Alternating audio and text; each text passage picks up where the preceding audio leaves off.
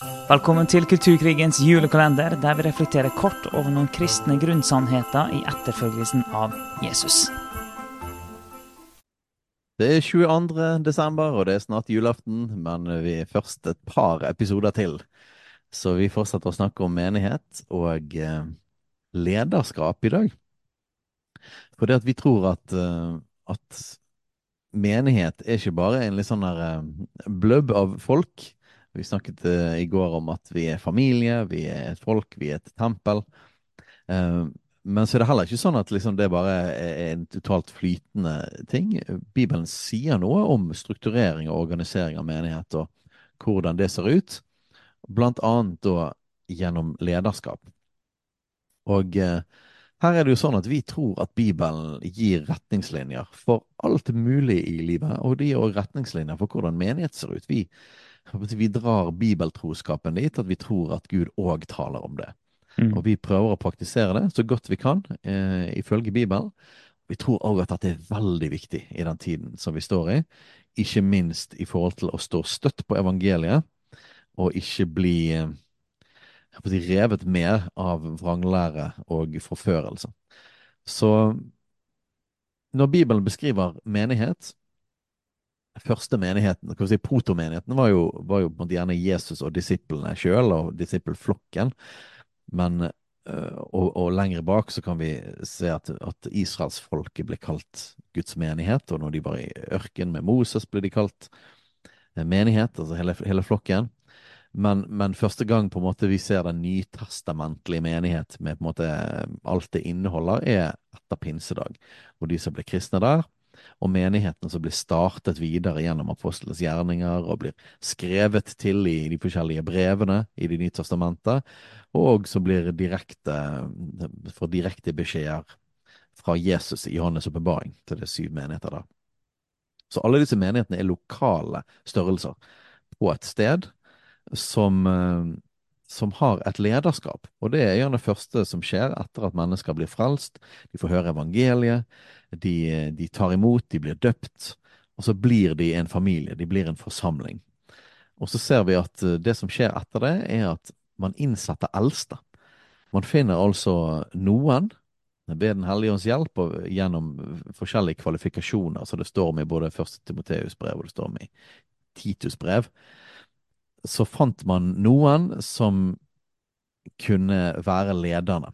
Og eldste blir da beskrevet som en sånn kollektivt lederskap. Det er en, en flokk, x antall mennesker, som sammen er på en måte hyrdene. Har hyrdeansvaret for menigheten. Um, og disse ble da innsatt av apostler. Ja, og det, det, har vært interessant å gå videre inn på både tjenestegaver og, og, apostler og hele pakken. Det har vi ikke tid til nå. Eh, det hører med i lederskapet nå, men tar vi den hakket mer lokale varianten. Eh, men det vi kan si, er at gjennom hele Det gamle testamentet og gjennom hele Det nye testamentet, så ser vi det at Gud innsetter ledere. Det ser vi som en rød tråd hele veien. Gud innsetter ledere. Lederskapet er faktisk gitt av Gud. Lederskap er gitt av Gud. Det er ikke noe vi bare har funnet på sjøl. Eh, så vi ser det gjennom israelsfolket, hvordan de var, og de var strukturert på ulike måter. Eh, det, det, det, var dem. De hadde, som vi alle vet, de, de, hadde Moses og de hadde Josfa og, og sånn. Men eh, så hadde de etter hvert dommere og så hadde de konger, og det var profeter inne i bildet, og diverse, diverse. Um, og i Nytestamentet så ser vi det hele veien, at det var et innsatt eldste i de lokale menighetene. Så det med ledelse, lederskap, ledelsesstruktur, det ser vi hele veien. Og så ser vi jo en, et annet element. Det er det at eh, led, eh, ledelsen er aldri valgt gjennom demokrati. Og vi tror at demokrati er en god samfunnsform, men vi tror ikke det er en god menighetsform. Og det kan kanskje være sånn vanskelig for, for noen å, å, få hodet rundt, men eh, vi, vi, vi, vi sier det at det finnes ikke Bibels presedens for demokrati i menighet. Der er det Gud som innsetter ledere, Gud eh, og Den hellige ånd gjennom eh, andre eh, ledere som innsetter ledere. Det er den bibelske modellen for lederskap i menighet.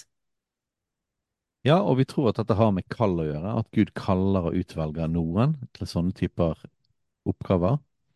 Um, og vi er alle sammen så er vi barn av Gud. Vi er alle sammen så er vi etterfølgere, vi er disipler. Vi er alle sammen ambassadører og kalt til å være vitner. Um, men ikke alle er kalt til å lede i Guds forsamling. Og um, så har vi noen andre titler. Det, fortsatt er det en del som bruker eh, titlene eldste. Vi gjorde det ikke før, men vi begynte faktisk eh, å gjøre det. Fordi at vi ser at det er begrepene som Nytestamentet bruker. Vår gamle skal si, far, åndelige far og mentor Reidar Paulsen, som startet Kristkirken, han sa jo det sånn at hvis du slutter å bruke bibelske begreper, så slutter du etter hvert å Altså mister du etter hvert det bibelske innholdet. Mm. Uh, og selv om eldste er ikke et vanlig begrep i norsk kultur, um, om en leder. Det var det mer i, i antikken. Det, både i Israel, men òg i de gresstalende landene, så hadde de eldste i byen. og de, det, var måte, det, det, var en tittel som folk var vant med. Så, så er det sånn at ordet leder er litt mer vagt. Vi bruker et annet ord i frikirkeligheten som er pastor. Pastor er egentlig bare en, en, en å bruke et litt sånn greskaktig ord. Gresk-latinsk ord for, for hyrde. Um, hvis, du, hvis, du, går på en sånn uh, tacorestaurant, sånn original, så kan du kan du bestille al pastor. Det er liksom Det handler om hyrde. Det er det det, det, det Herren er min hyrde. Min pastor. Hvis, du, hører på spansk, for eksempel, så hører du at det er det begrepet du bruker. Så, så, ordet pastor er på en måte et begrep som vi er blitt vant med i frikirkeligheten. Eh, det er ikke liksom helt presist likevel i forhold til hva man kalte lederne i Det nye testamentet. Og, og, da begynner vi jo liksom sånn her, hva er en pastor? Hver menighet har én pastor, en hovedpastor og en barnepastor. En sånn der. Vi bruker jo dette begrepet liksom for å være folkelige, vi òg. Eh, men egentlig så, ikke, så, bruker vi ikke det begrepet sånn innad. Uh, så det er litt sånn, det er sånn dobbelt. Og så har du begrepet prest, uh, som, som man bruker i mer tradisjonelle kirkesamfunn. Og der liksom dette med pastor er litt sånn halvbra, det er egentlig hyrde, så vil jeg si at begrepet prest er direkte det er dårlig teologisk. Eh, fordi at For ordet prest blir brukt i Det gamle testamentet om prestene, de som foretok ofringer og forskjellig. Mens i den nye pakt så blir vi kalt, alle sammen blir kalt et kongelig presteskap.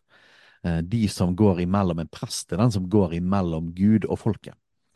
Så, så selv om Bibelen beskriver eldste, altså lokalt lederskap, som ikke alle er, så er det å kalle noen prest er å gå for langt igjen teologisk. Fordi at, eh, fordi at når vi har tatt imot Jesus, så er vi alle mellom, mellom Vi kan alle gå fram for Gud, og vi er òg eh, mellommenn og mellomkvinner mellom folket som ikke kjenner Gud, og Gud. Så vi er kalt til å, til å gå i forbønn og, og, å formidle evangeliet til de som ikke kjenner han ennå. Så på en måte presteskapet er nå liksom allment for alle kristne. Men så er det noen som er kalt til å være eldst, eller hyrder, for den lokale menighet. Så, så begrepet press syns jeg at, uh, at, det er et dårlig begrep, for det, for det tar med seg en del sånn gammeltestamentlige forestillinger om, om, lederskap. Ja, og Grunnen til at du syns det er et dårlig begrep, er det handler jo eh, i bunn og grunn så handler det her om bibeltroskap. Det handler om at vi i alt det vi gjør, så forsøker vi oss på å ligge så tett opp til Bibelen vi kan. Og så er, forstår vi at det, det, det, det kan være innafor å bruke andre uttrykk og sånne ting på visse ting. Og det er ting som eh, må tilpasses til en viss grad, til vår kontekst og sånn. Vi forstår det. Men i bunn og grunn så må vi holde oss så nært Bibelen som mulig. Og Bibelen viser oss en menighetsordning Bibelen viser oss en ledelsesordning. Og da forsøker vi så langt det lar seg gjøre, å holde oss til det. Det inkluderer at Bibelen viser oss at lederskap er innsatt av Gud. At Bibelen viser oss at eh, demokrati ikke er en del av menigheten.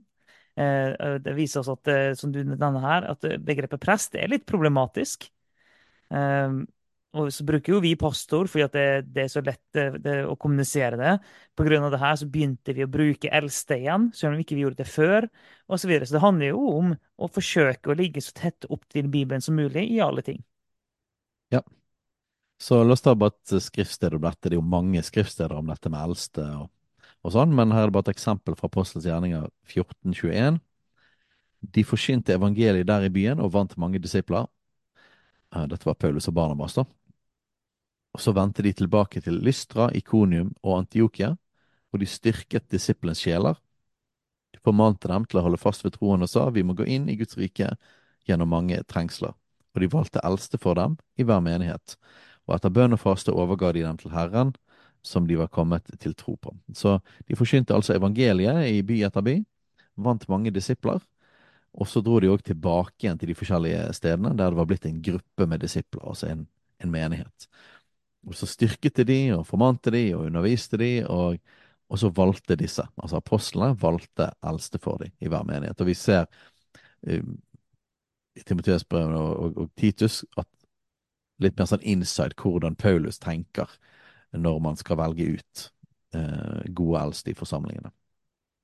Så dette er liksom Bibelens modell for den lokale menighet.